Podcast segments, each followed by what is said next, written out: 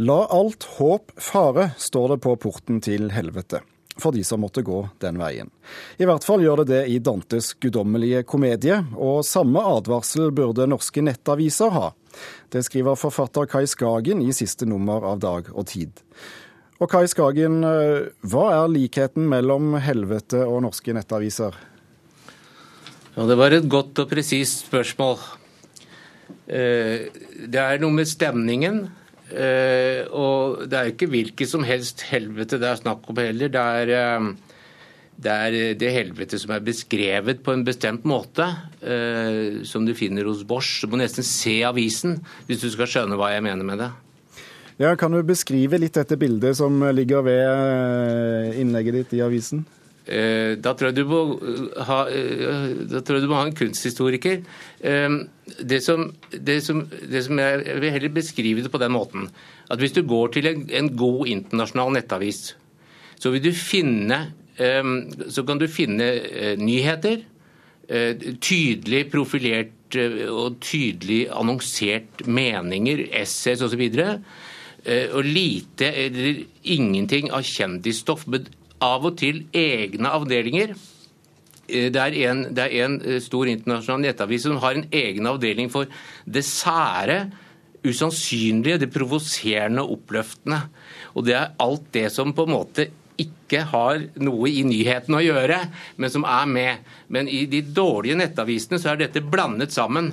Sånn at du får, eh, du får historier fra krigsskueplassen i Syria, og så får du eh, så får du eh, privatlivet til, til Petter Northug ved siden av, eller, eller du får uh, høre om uh, merkelige hendelser uh, i anonyme menneskers liv. På den måten blir alt sauset sammen. Det blir omtrent det står her på, i, i en nettavis 'øl og bløtkake'.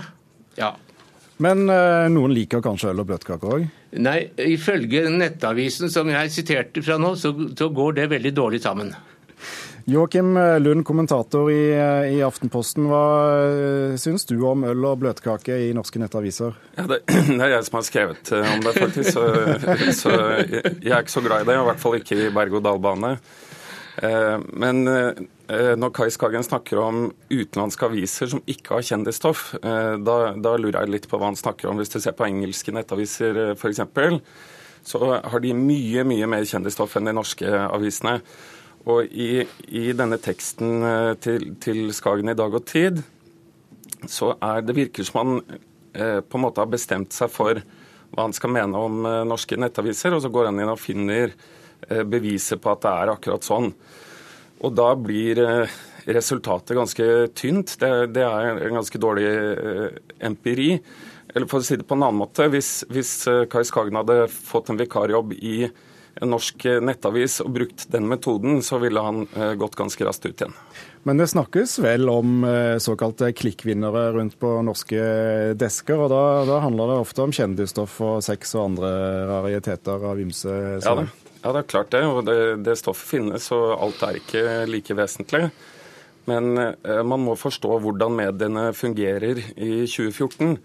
Eh, alle blir målt på trafikk, alle blir målt på tall, og det har, noe, det har betydning for eh, annonseinntekter og sånne ting.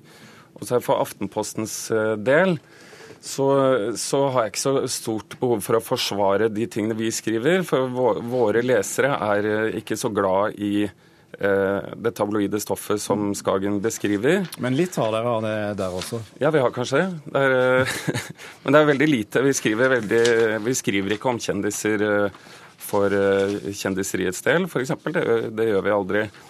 Ja. Har... Kai, Kai, Skagen, greier du ikke å henge med i medieutviklingen her, er det det? Uh, jo da, jeg henger med, jeg. Uh, uh, det, det, er riktig som, som, det blir sagt her, at det er forskjell, det er forskjell, på, forskjell på nettaviser. Og, og det er veldig stor forskjell på Aftenposten eh, på den ene siden og Dagbladet og VG på den andre siden. Det står i artikkelen min også. Eh, kunne kanskje stått enda tydeligere, det, men det er en grunn til at jeg ikke vil frikjenne Aftenposten fullstendig. Men Aftenposten er, eh, er, ligger i en annen gate, på en måte. Eller i hvert fall et helt annet sted i, i gaten. Det som, er, det som er et problem for Norge, det er at Nå kjenner ikke jeg hvordan tallene er i utlandet, men hvis du tar de fire store nettavisene, så er det VG, Dagbladet, Aftenposten og Nettavisen. Og, og der bare er, altså Aftenposten 700, har 745 000 lesere. Eh, og de andre de har nesten fire millioner daglig innom. Og de tre, disse, på, disse, med fire millioner mot Aftenposten 750 000, de er ikke seriøse nettaviser. Altså, eh, de, de, de er som jeg har beskrevet den. Så, og jeg kan, jeg kan også uh, levere en kritikk av Aftenposten hvis det er ønskelig.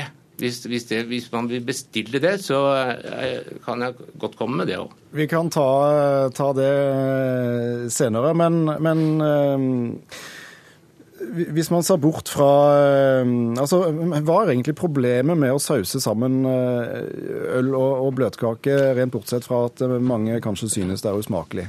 Altså Problemet er, eh, sånn som jeg ser det, er at altså, pressen, massemediene i sin alminnelighet, eh, pressen i sin særdeleshet, spiller en sentral rolle i et liberalt eh, demokrati.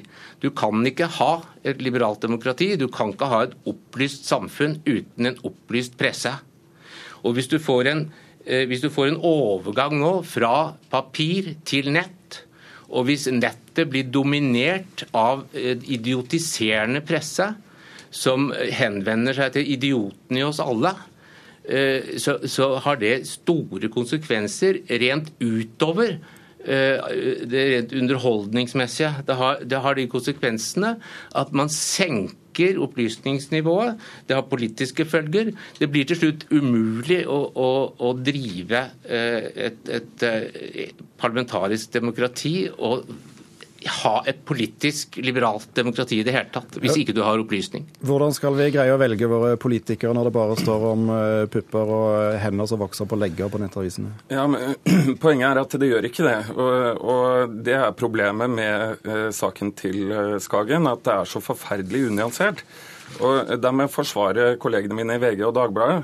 Uh, når Skagen sier at dette er useriøse nettaviser, så belegger han det med de sakene han lister opp, som stort sett handler om pupper og rumper og, og, søte dyr og sport og hva det nå er for noe. Men når jeg går inn på VG eh, på nettet i dag, så kan jeg lese om ungdomsran eller underslag i næringslivet, om eh, Kongo-saken, om helsepolitikk, eh, rapporten etter trippeldrap på, på Valdresekspressen, bare for å nevne noe. Og Det samme gjelder Dagbladet. Det er akkurat det samme. Sånn at Alt dette er vesentlige saker, men de kommer i tillegg til det, det tabloide. Ja, dette er jo litt av mitt poeng. da. At du får, Jeg har også eh, gått inn på nettsiden i dag og sett. og Det er riktig at de, selvfølgelig er det Det er klart at Dagbladet og VG har nyhetssaker.